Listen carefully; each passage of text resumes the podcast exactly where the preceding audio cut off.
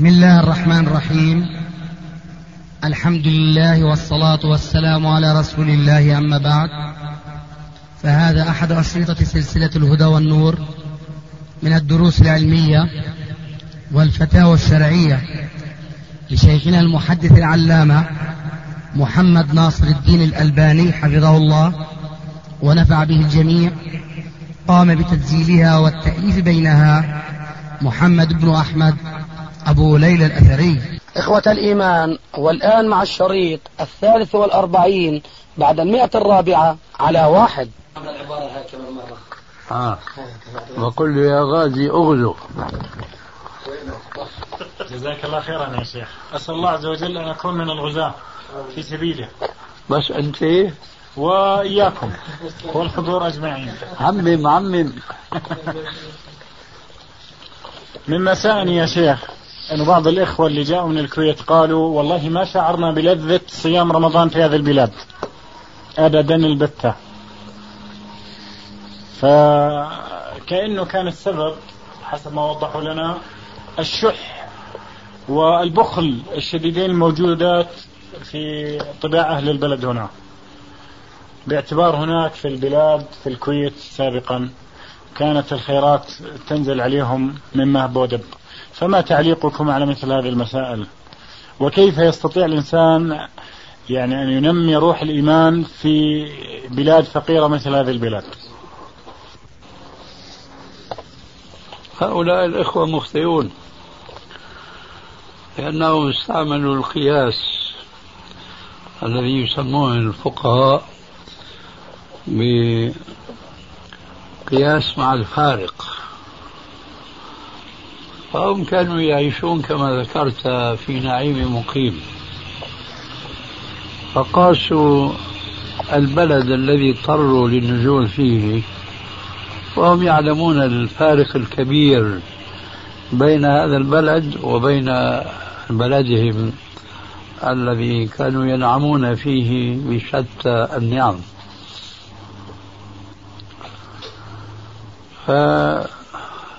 فكلمتهم هذه الحقيقة أنا أراها خطيرة جدا. أولا من ناحيتين. الناحية الأولى ما أشرت إليه آنفا من هذا القياس مع الفارق. الناحية الأخرى وعليكم السلام ورحمة الله وبركاته. أنهم إذا لم يجدوا في هذا البلد الظاهرة التي تدل على الكرم الذي هو من صفاتهم بسبب ما كان عندهم من مال وفير فلا ينبغي أن يقولوا مثل هذه العبارة أنه ما وجدوا لصيامهم الذي هو فرض ما وجدوا له تلك اللذة. هل مثلا استعاضوا عن الملاحظة التي كانوا يلاحظونها هناك بأن يشغلوا أنفسهم وأن يشغلوا من يستطيعون من أهل هذه البلاد بالعبادة وبخاصة بتلاوة القرآن هذه التلاوة التي هي من خصائص الصيام في رمضان. ففي ذلك ما يحقق لهم شيء من الشعور بلذة العبادة ومما يعوض لهم ما فاتهم بسبب الفرق المادي والمالي بين البلدين. فهذا الاندفاع الذي يدفع هؤلاء الإخوة إلى مثل هذا الكلام فأقل ما يقال فيه إنه كلام غير موزون. على كل حال فإن أصيب مسلم بمصيبة فعليه أن يذكر مثل قوله تعالى ولنبلونكم بشيء من الخوف والجوع ونقص من الأموال والأنفس والثمرات وبشر الصابرين. الذين إذا أصابتهم مصيبة قالوا إنا لله وإنا إليه راجعون. أولئك عليهم صلوات من ربهم ورحمة وأولئك هم المهتدون. وفي اعتقادي كل البلاد الإسلامية التي آثرها الله عز وجل بكثير من النعم والأموال الوفيرة باعتقادي أنهم ما, أحسنوا استعمالها. ذلك لأن البذخ والترف والتبذير علامات واضحة في كل هذه البلاد بل وفي بعض البلاد التي ليست عليها مسحة الغنى والثروة لكن يوجد فيهم أفراد أغنياء فتجدهم يصرفون هذا المال ونحوه إما فيما هو محرم وإما فيما هو مكروه على الأقل كمثل البنيان وتفنن في رفعه وتشييده والتوسع في تكثير غرفه والتفنن في تجميل جدرانه ونحو ذلك. وقد جاءت هناك أحاديث تحذر المسلم من أن يرتفع في بنيان داره بأكثر مما هو بحاجة إليه. كما أنه جاء ما هو أخص من ذلك بأنه لا ينبغي التوسع في استعمال وفي اقتناء الفرش أكثر من اللازم والإكثار من الستائر وتجميل الجدران بها كل ذلك مما جاء في السنة.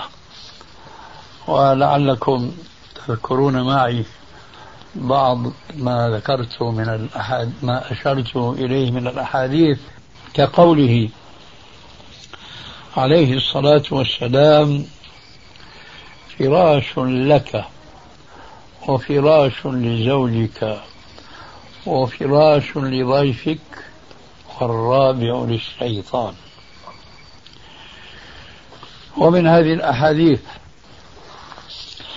قوله صلى الله عليه وسلم إني لم أؤمر بكسوة الجدران والحجارة أو كما قال عليه الصلاة والسلام والحديث في صحيح مسلم. كسوة الجدران اليوم ظاهرة منتشرة في كل بيت من بيوت المسلمين الذين يعني توفرت لهم شيء من الثروة. فلا تكاد تدخل بيتا وقد نصبت فيه الستائر إلا وتجد الستارة أطول من النافذة الضعف لأن الموضة الآن أن تكون الستارة تمس الأرض. والنافذة تكون إلى هنا أو إلى هنا.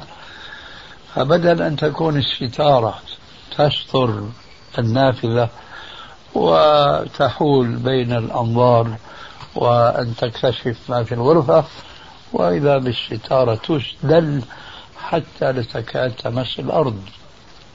كل هذا داخل في الإسراف والتبذير بدل أن توجه هذه الأموال إلى البلاد الفقيرة التي ليس عندها متسع من المال. ولذلك والكلام في هذا يطول. يجب أن نتذكر دائما وأبدا قول الله تبارك وتعالى وما أصابكم من مصيبة فبما كسبت أيديكم ويعفو عن كثير. فنسأل الله عز وجل ألا يعاملنا بما نستحق كفاء ذنوبنا وإنما أن يعاملنا برحمته وبفضله.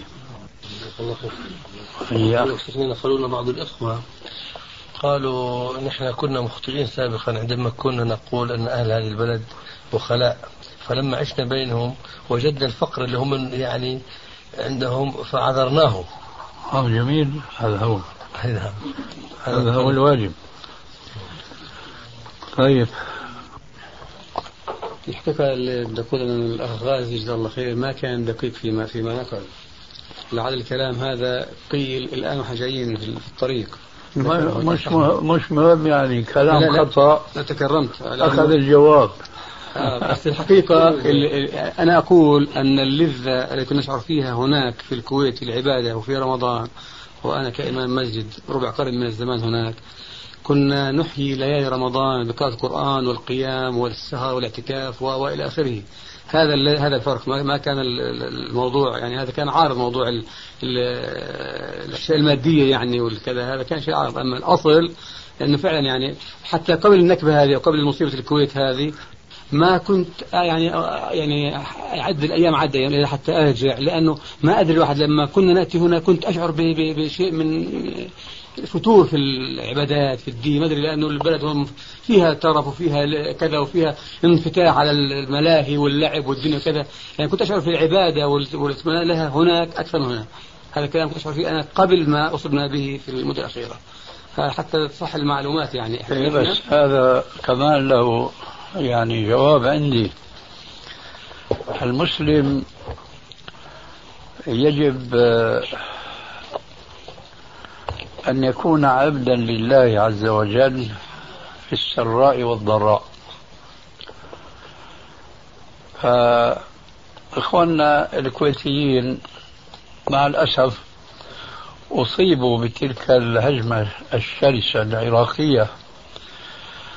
وشردوا كما شرد الفلسطينيون من قبل. فكان على هؤلاء وهؤلاء جميعا أن يظلوا عبادا لله عز وجل مخلصين كما كانوا من قبل. يعني لا ينبغي أن تتغير عبادة المسلم فهو في السراء يعبد الله وفي الضراء ينكص على عقبيه لأنه معنى ذلك أنه يعبد الله على حرف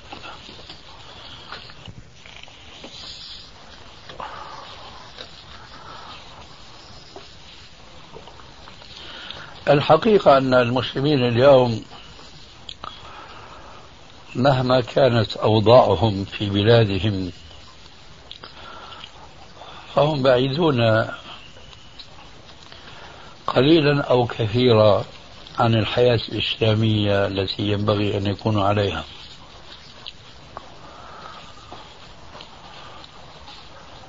نحن نقرأ جميعا نقرأ في التاريخ الإسلامي الأول ما ينبغي أن نراه مطبقا في كل زمان وفي كل الأحوال مع اليسر أو مع العسر. فمما نقرأ أن المهاجرين الأولين لما هاجروا من مكة إلى المدينة وكان النبي صلى الله عليه وآله وسلم آخى بين المهاجرين والأنصار كما هو معروف. برهة من الزمن فوقعت هناك كما شهد الله عز وجل في الآية الكريمة قصص تعبر عنها هذه الآية ويؤثرون على أنفسهم ولو كان بهم خصاصة. من ذلك مثلا وهذا الذي يهمني من تلك الأمثلة أنها تبين لنا أن كل من المهاجرين والأنصار كانوا مؤمنين حقا. المهاجرون فقراء تركوا بلادهم وأموالهم وكل أملاكهم ونجوا بإيمانهم وأنفسهم. ونزلوا ضيوفا على الأنصار وهم أهل البلاد أهل المدينة أهل الأموال. فكان من السياسة الشرعية أن النبي صلى الله عليه وآله وسلم آخى بين هؤلاء وهؤلاء. وقصة عبد الرحمن بن عوف مع أحد الأنصار ما اسمه الربيع ولا إيش؟ تذكرون الذي آخى الرسول عليه السلام بين عبد الرحمن بن عوف ورجل من الأنصار في اسم الربيع. نعم. المهم هذا الأنصاري عنده زوجتان. فقال لعبد الرحمن بن عوف اختر أيهما شئت حتى أطلقها لك. وأراد أن يقاسمه ماله فضلا أنه يعطيه زوجة. قال هذا معناه إن الطيور على أشكالها تقع. قال بارك الله لك في أهلك ومالك دلني على السوق. فدله على السوق واشترى عقالا فباعه وربح به ربحا قليلا. ثم أخذ يتردد على السوق ولم يرضى أن يعيش عالة على الأنصار الغني. وبارك الله عز وجل له في تجارته التي بدأت بعقال بعير حتى تزوج. ورآه الرسول عليه السلام عليه آثار الزواج. فقال له ما هذا يا عبد الرحمن؟ تزوجت؟ قال نعم. قال بكم قال بنواة من الذهب. قال هل أولمت؟ قال لا. قال أولم ولو بشاة. الشاهد اليوم إذا وقع مثل هذا التفاوت بين غني وفقير لأن كل من الفريقين ليس عند حسن الظن الذي يجب أن يكون عليه المؤمن الغني يبخل على الفقير ولا يعطيه ما يغنيه فضلا عن أن يؤثره ويكون به خصاصة. والفقير نفسه إذا ما يسر الله له غنيا يستحكم فيه ويطمع في ماله. كل من هؤلاء الأغنياء وهؤلاء الفقراء ليسوا كما أراد الله عز وجل من أن يكونوا إخوانا كما أمرهم الله تبارك وتعالى. فلذلك نحن ننصح من كان غنيا أن لا ينسى حق الله عز وجل في ماله ولا أن ينسى من حوله من الفقراء والمساكين. وفي المقابل ننصح الفقراء أن يكونوا كما قال تعالى يحسبهم الجاهل أغنياء من التعفف. هذا المعنى مع الأسف أيضا لا نلمسه اليوم بين الفقراء فأكثرهم عالة عن الناس ويتسلطون على أموالهم ولا يكتمون حاجتهم وفقرهم كما أراد الله عز وجل منهم في هذه الآية الكريمة. ونسأل الله عز وجل أن يصلح أحوال المسلمين جميعا. أغنياءهم وفقراءهم. شيخنا بارك الله بك ذكرت أنه لابد أن يكون عباد الله إخوانا يعني عباد الله إخوانا. فكيف الوصول لهذه المرتبة وهذه المكانة العظيمة حتى آه، يرحم الغني الفقير ويدعو الفقير الغني؟ فنصبح آه، يعني مجتمع مثالي إن شاء الله. بالتربية. كما نقول دائما بتعلم الأحكام الشرعية وحمل الناس على تطبيقها هذا ليس يعني مش هي قضية مادية لحتى نعم. نقول أسلوبها كذا وإنما هو العلم بما أنزل الله وكما بينه رسول الله صلى الله عليه وسلم وأن نربي أنفسنا على هذا الهدى بدي أتطرق شيخنا لمسألة آه، يدخل فيها الإمام. قضية السترة في المسجد حقيقة آه، لما أمينا الناس فترة من الزمان وضعنا السترة سخطوا أمرضوا ما سألنا عنهم. فما كان من شيخنا إلا أنه يعني يزيلها أحيانا وكأنه يعني لا يرى وجوبها ما أدري. فالسؤال له الآن إرضاء للناس هل يجوز إزالة السترة؟ وعليكم السلام ورحمة الله وبركاته. سؤالي شيخنا هل يجوز إرضاء للناس ترك السترة؟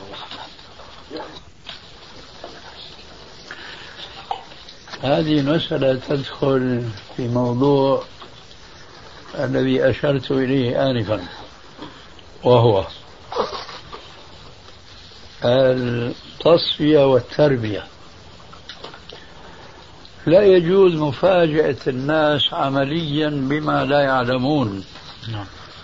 ولكن في الوقت نفسه لا يجوز ترك الناس وهم يجهلون فينبغي أن نطبق نحن السنة في أنفسنا وأن نمهد لها تعليما للناس ودعوة للناس إلى اتباع الكتاب والسنة. فمن كان إماما نفترض لأول مرة ينصب إماما في مسجد ما فهو يحتال ليصلي إلى سترة.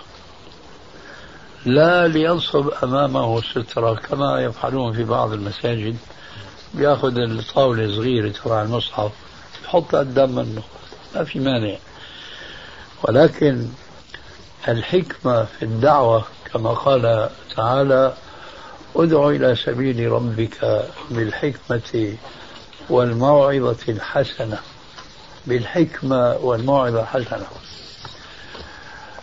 فما ينبغي لهذا الإمام الذي عين حديثا في مسجد ما ما سمعوا مطلقا بهذه السترة.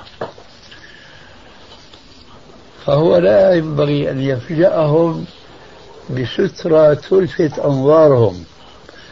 قبل أن يلفت هو نظرهم وبصرهم وبصيرتهم العلمية إلى وجوب اتخاذ السترة. لكنه يصلي مثلا إلى سارية يصلي إلى المنبر يصلي إلى أي شيء منصوب أمامه.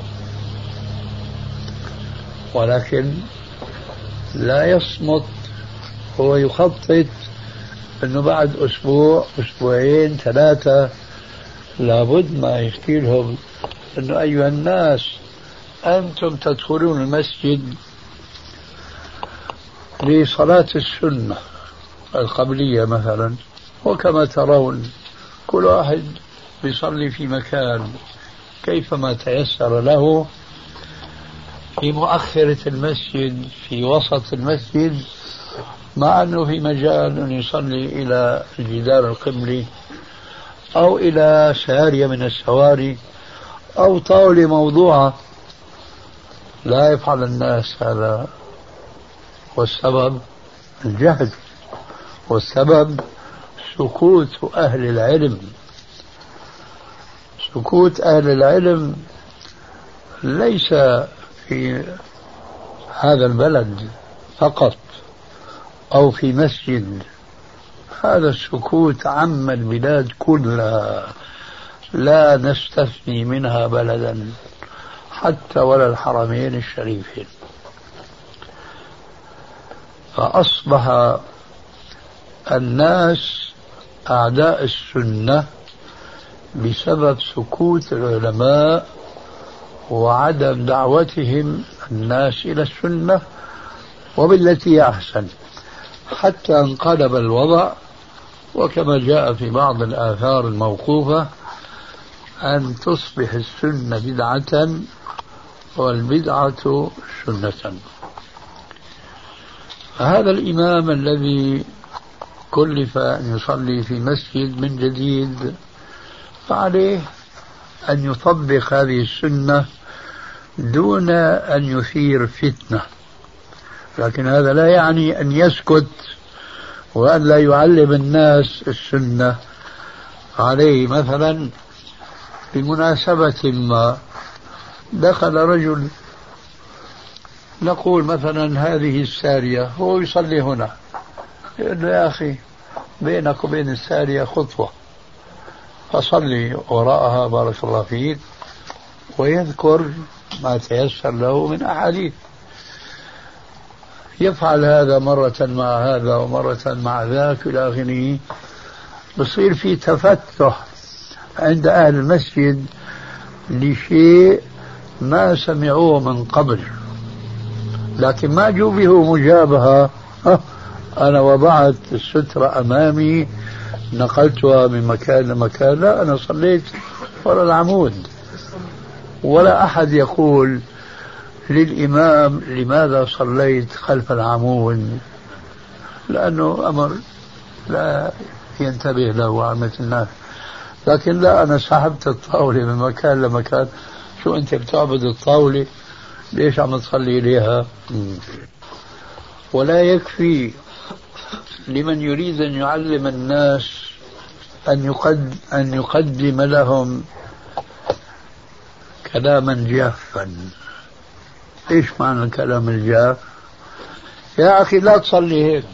صلي إلى سترة. لا. هذا لا يكفي.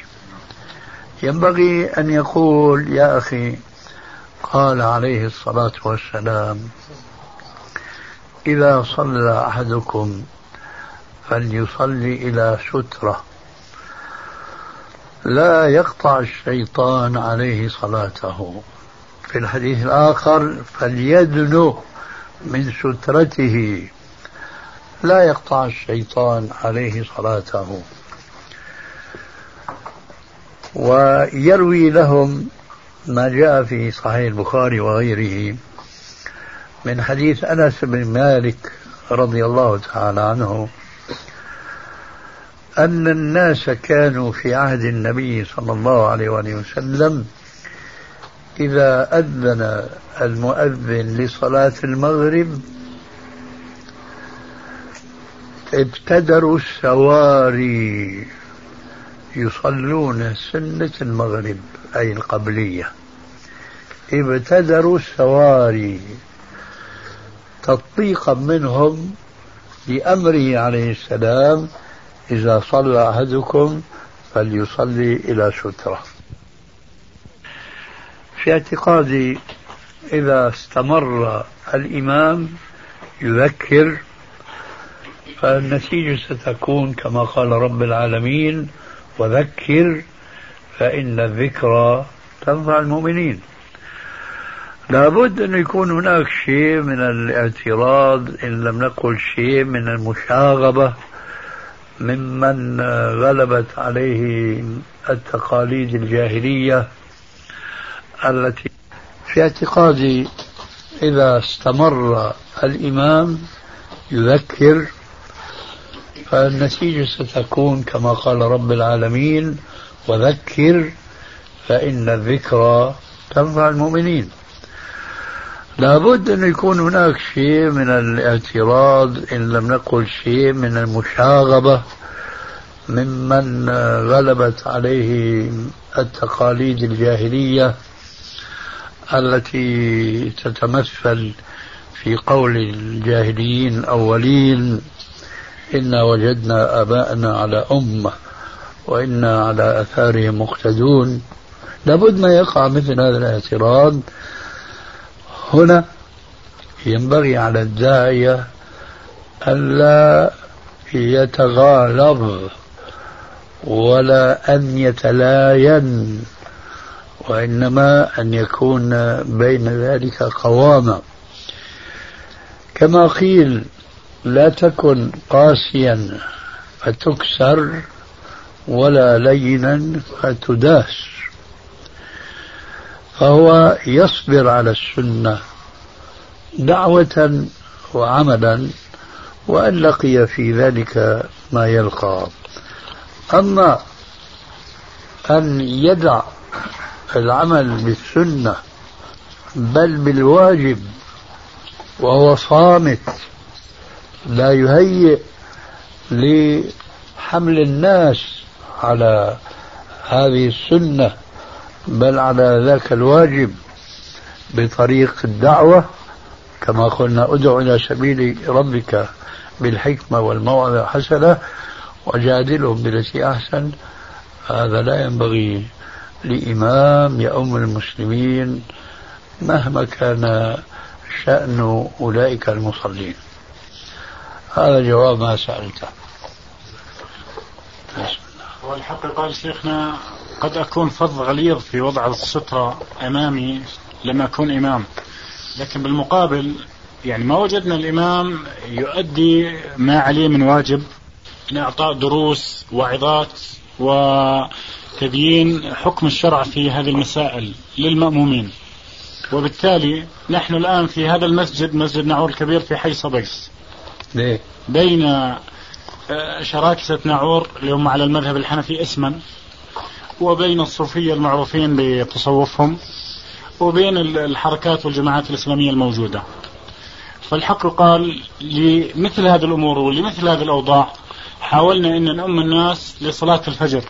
فأجبتني يوم الجمعة الماضي بعدم الإمامة.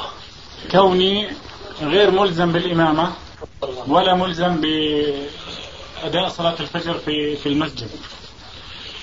ومعنى ذلك إن تركنا الإمامة لابد أن يأتي رجل من أهل البدع أو من أهل الضلال عياذا بالله ويؤم الناس. فسؤالي الآن ألا ترى أنه لو تنازلنا قليلا واستخدمنا الأذان الموحد هذا من قبلنا أنه لا حرج من باب ضرورات تبيح المحظورات؟ إذا بدك تحري حالك افعل.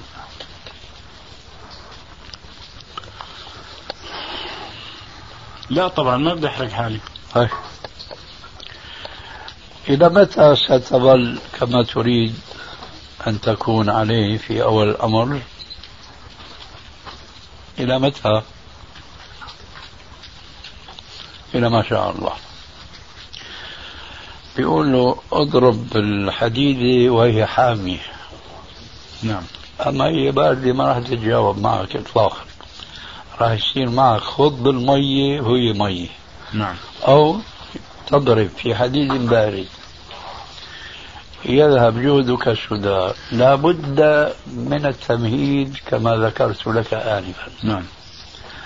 الإمام يطبق السنة ويدعو إليها بالتي أحسن. من السهل جدا أن الإمام ينقلب إلى واحد من الجماعة. هو في قلبه سني لكن في عمله بدعي. إيش الفائدة حينئذ إذا كنا بدنا نساير الناس؟ وما جعل الناس اليوم في غفلة عن كثير من الواجبات فضلا عن السنن والمستحبات إلا مثل هذه المسايرة. بعدين إذا أنت كنت ربنا عافاك وما كلفت. نعم.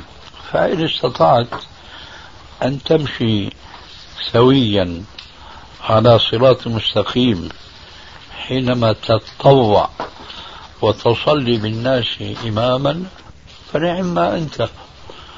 أما إذا كنت تريد أن تميل يمينا ويسارا عن السنة باسم مداراة الناس وباسم أنه إذا أجى غيرك حيفعل أسوأ من فعلك هذه ليست من السياسة الشرعية لأن الله يقول يا أيها الذين آمنوا عليكم أنفسكم لا يضركم من ضل إذا اهتديتم. هذا المنطق الذي أنت تقوله الآن يتمسك به كل موظف مسلم مهما كانت وظيفته سيئة.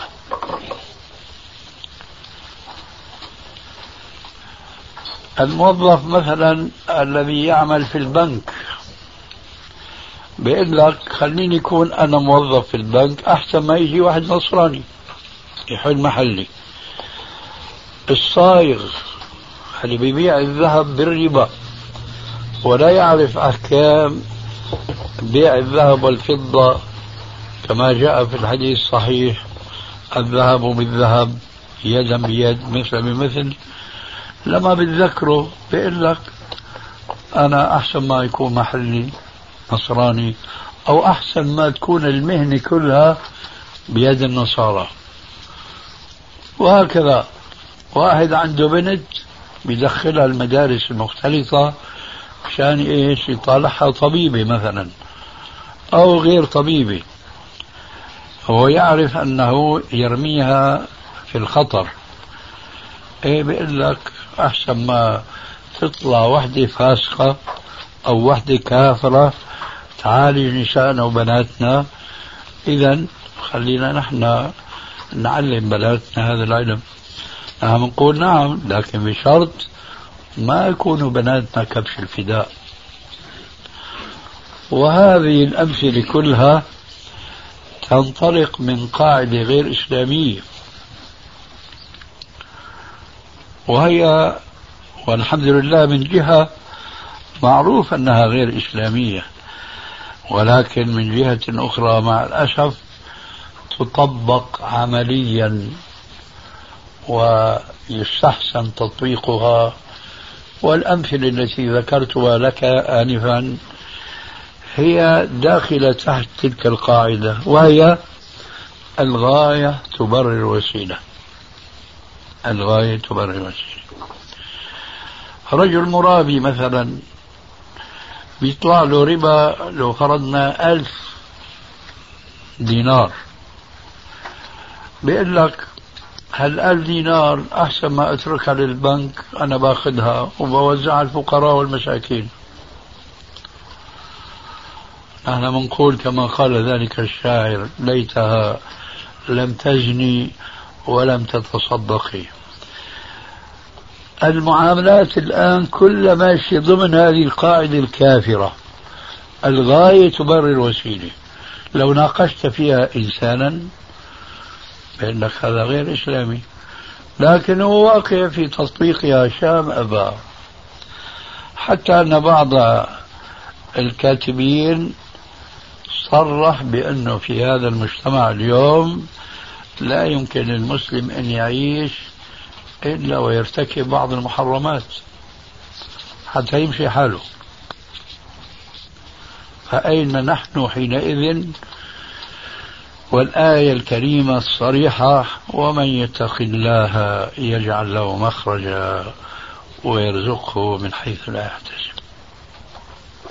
اتق الله وبس. جزاك الله خير بارك الله فيك. طيب شيخ في نفس المجال. فما هي النصيحة؟ إلي ابتداء ولإخواننا سواء كان إمام أو من إخواننا الغائبين حتى نستطيع أن نبلغهم إن كان في الأمر شيء. ما هي النصيحة قدمت بارك الله فيك. نعم. أن تعملوا بالسنة وأن تدعوا إليها. بالتي أحسن. نعم. هذا كله تقدم وهي خلاصة أما أنت بدك تأذن بتأذن كما يريد الناس. هذا ما يجوز. نعم. أما أنت تريد أن تصلي خلاف السنة التي تعلمها. إرضاء للناس. وأنت لا تدعو إلى السنة. أنت تسير عملا وسكوتا. لا لو كنت تدعو وتساير ما في مانع. شايف؟ نعم. في فرق. تساير ليش قلنا لصاحبنا إلى متى أنت تريد أن تمشي بهذه المسايرة لا ما شاء الله. تدعو وتعلم وتذكر وتستمر في الدعوة لكن تساير. مرة هيك مرة هيك. ما في مانع. لكن كما كنت قرأت مرة في مجلة المنار للسيد رشيد رضا رحمه الله كان قد افتتح مدرسة في القاهرة. أظن كان سماها دار الإرشاد وتخرج منها طلبة. المفروض أن هؤلاء الطلبة الذين تخرجوا سلفيون لأن السيد رشيد رحمه الله كان عالما سلفي العقيدة وسلفي المنهج فقها وإن كان عنده شوية أخطاء لا ينجو منها إنسان.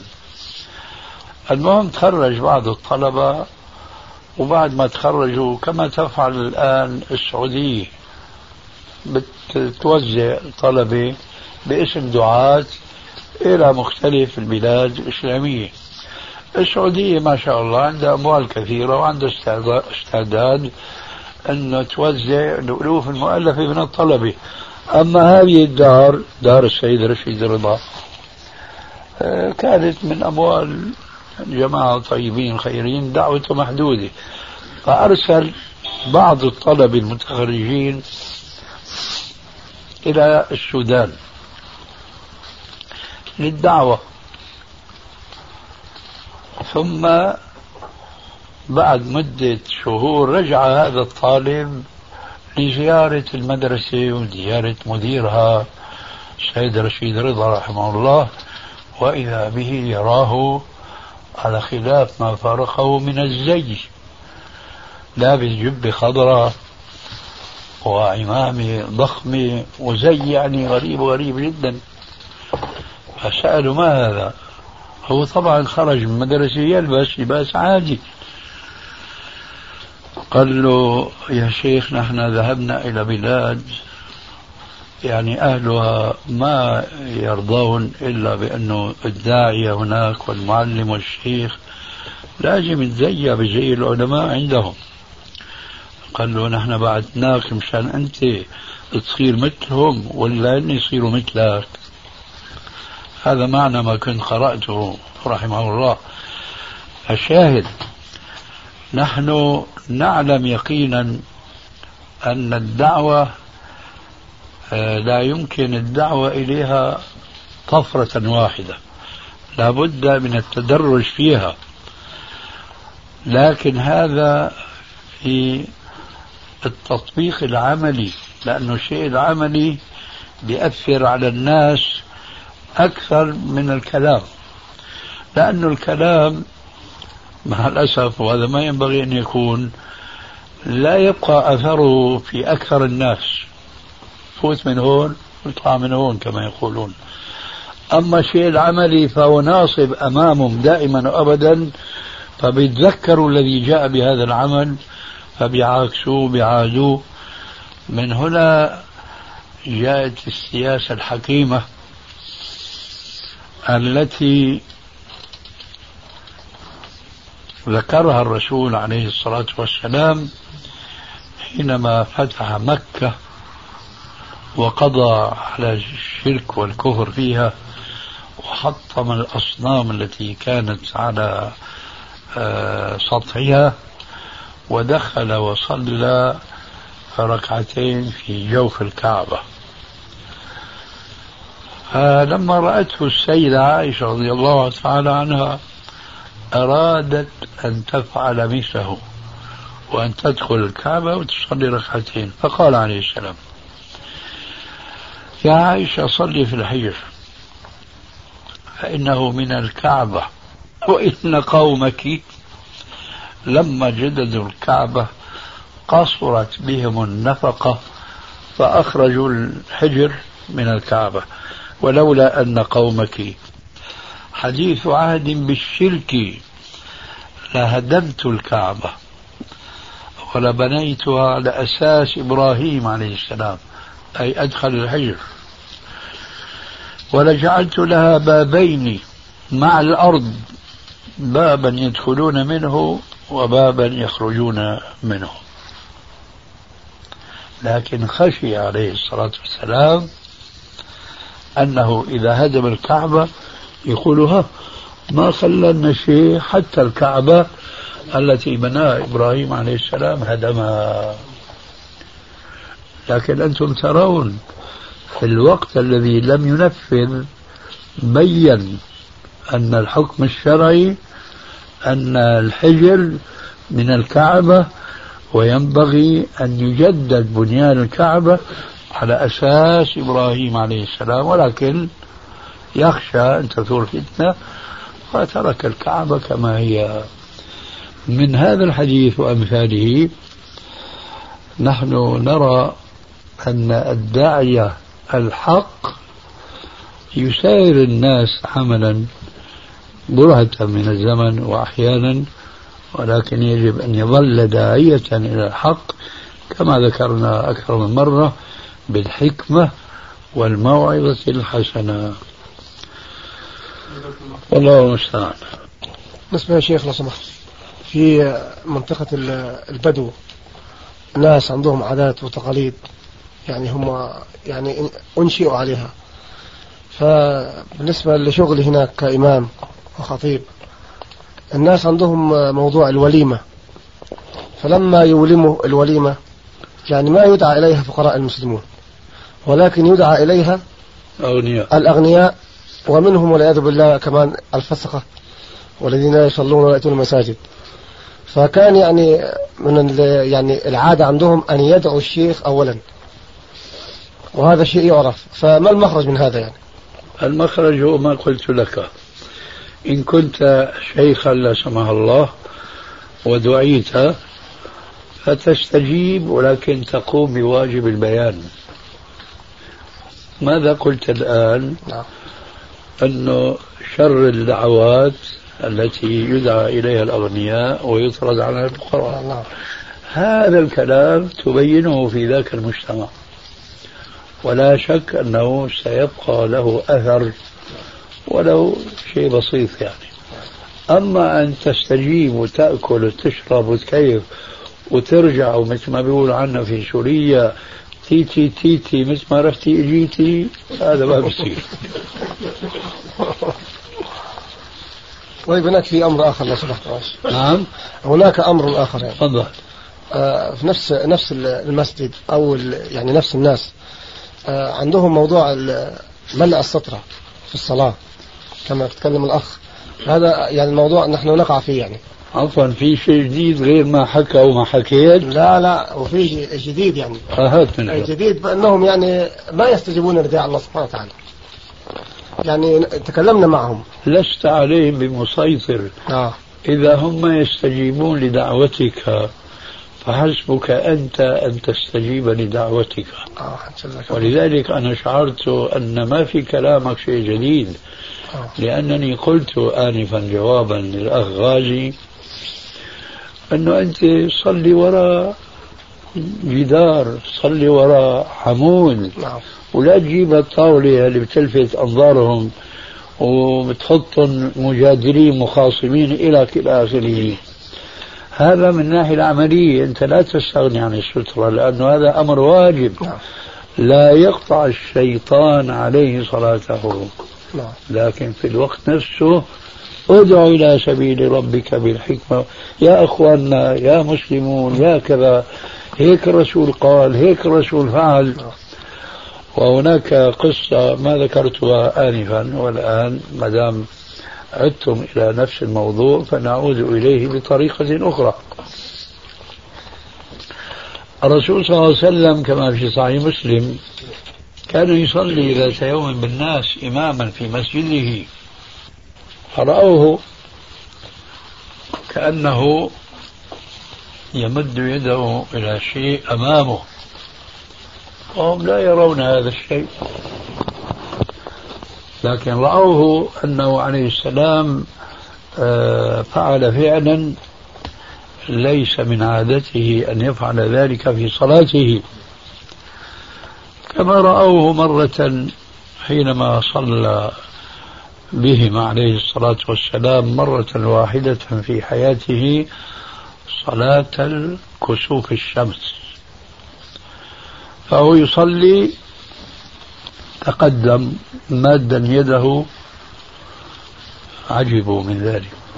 وبعد قليل تأخر كأنه يرى شيئا مخيفا حتى تضعضعت الصفوف من خلفه عليه السلام.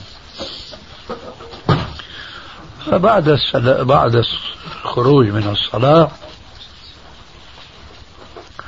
قالوا له يا رسول الله رأيناك فعلت في صلاتك ما لم تكن تفعله. قال عليه الصلاة والسلام لقد مثلت لي الجنة والنار في حائطكم هذا. مثلت لي الجنة والنار في حائطكم هذا. ورأيت الجنة وثمارها وعنبها فهممت أن أقتطف عنقود منها. ثم تذكر أن هذا الطعام محرم على الناس إلا بعد أن يدخلوا الجنة. قال ثم رأيت النار فرأيت لهيبها ولفحها فتأخرت. ثم قال لهم عليه السلام إن الشمس والقمر آيتان من آيات الله لا تنكشفان لموت أحد ولا لحياته. فإذا رأيتم ذلك فصلوا وتصدقوا وادعوا. كذلك في غير هذه الصلاة رأوه وهو يصلي بالناس إماما هجم كأنه يقبض على شيء. سألوه عن السبب قال لقد هجم الشيطان علي وفي يده شعلة من نار يريد أن يقطع علي صلاتي. فقبضت على عنقه وشددت عليه حتى وجدت برد لعابه في يدي. ولولا دعوة إيه، سليمان عليه السلام رب هب لي ملكا لا ينبغي لأحد من بعدي لربطته في سارية من سوار المسجد حتى يصبح ولدان المدينة يلعبون به. إذا كان النبي صلى الله عليه وسلم وهو المعصوم أراد الشيطان أن يقطع عليه صلاته. فماذا نكون نحن؟ إذا علينا أن نتخذ الوسيلة الشرعية التي تساعدنا على أن لا نعرض صلاتنا لإبطالها أو للنقصان من ثوابها. فالغرض من هذا كله أن الإمام لا يكون معذورا إذا ترك مثل هذا الأمر الواجب مسايرة للناس.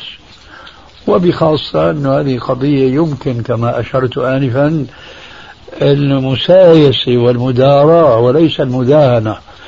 يمكن المسايسة والمداراة لهؤلاء الناس الذين هم صم بكم لا يعقلون. لكن مع ذلك لابد من التدرج في دعوتهم إلى الله وبالتي هي أحسن. في نفس المجال السابق. آه الآن يعني هل يفهم من كلام حضرتك بالنسبة للوظائف في مثل هذه الأمور لا يقترب, لا يقترب منها؟ لا يقترب منها لا يقترب منها إذا كان بده يمشي أو يغزو على طريقة غازي أما إذا كان على المنهج الذي قلناه آنفا هذا واجب. فهمت؟ للأذان فهمت لا كيف؟ يستطيع. نعم شيخ. وهو بالنسبة للأذان يخضع للدولة. إذا كان معناته يتنحى عنه. آه إذا كان هو يعني يكلف بالتأذين ويخالف الشرع فالجواب ما سمعت. نعم. جزاكم الله خيرا. وإياكم يا شيخ لو سمحت. نعم. طيب هناك يعني سؤال لو سمحت. وأمر ضروري جدا يعني. آه، في أخ من الإخوة أراد أن ي- يعني يطلب أخت من الأخوات وأبوها يعني أخ نحسبه على خير ولا نزكي الله أحد. فالرجل اشترط معه شرط أولا لا مهر ولا صداق ولا أي شيء ولكن قال له تخرج آه، أربع شهور في سبيل الله. معلش عفوا يعني. لأنه هو السؤال أنا ما أنا ما عملت شيء لسه أنا مسمع لك آه. آه. آه، كان الأخ. الأخ قال له آه، تخرج أربعين أربعين آه، أربع شهور في سبيل الله. وبدون أي شيء بعطيك بنتي. ما شاء الله. بس بمجرد أنك تخرج أربعون آه، أربع شهور في سبيل الله. فهذا الأخ الآن يعني محتار. هو لا يريد يخرج ولكنه يريد البنت. فيعني ما المخرج من هذا يعني الأخ يعني بيسأل السؤال وبده الرد ضروري يعني أظن سبق الجواب لا أقول عن هذا وإنما أقول وأعني ما أقول عن مثل هذا أتدري كيف؟ كيف؟ الغاية تبرر الوسيلة أم لا تبرر؟ نعم ماذا فهمنا من المحاضرة السابقة؟ الغاية تبرر الوسيلة. كنت معنا في البحث السابق ولا لا؟ أظن كان غائبا. لا إحنا بحث في درس يعني. آه نعم. نعم. ها طيب. كنت معنا؟ نعم معكم. آه كيف؟ آه. هل الغاية تبرر الوسيلة؟ نعم. أنا ما أحب الناس الذين ينعمون لي بالكلام. أريد أن يكون متفاهما معي. نعم. بارك الله فيك. جزاك الله نصف العلم لا أدري. أليس كذلك؟ آه نعم. فإذا كنت غائبا عن موضوعنا السابق آه. ولم تتبينه فلا تنعم لي في كلامك وقل لي ما انتبهت نعم. أما إذا كنت فاهما فستعرض نفسك لامتحان بسيط جدا. فإيش معنى الغاية؟ لا تبرر الوسيلة. وهل هذه قاعدة إسلامية؟ أم قاعدة غير إسلامية عرفتها؟ والله نعرفها ها؟ نعرفها يعني مم.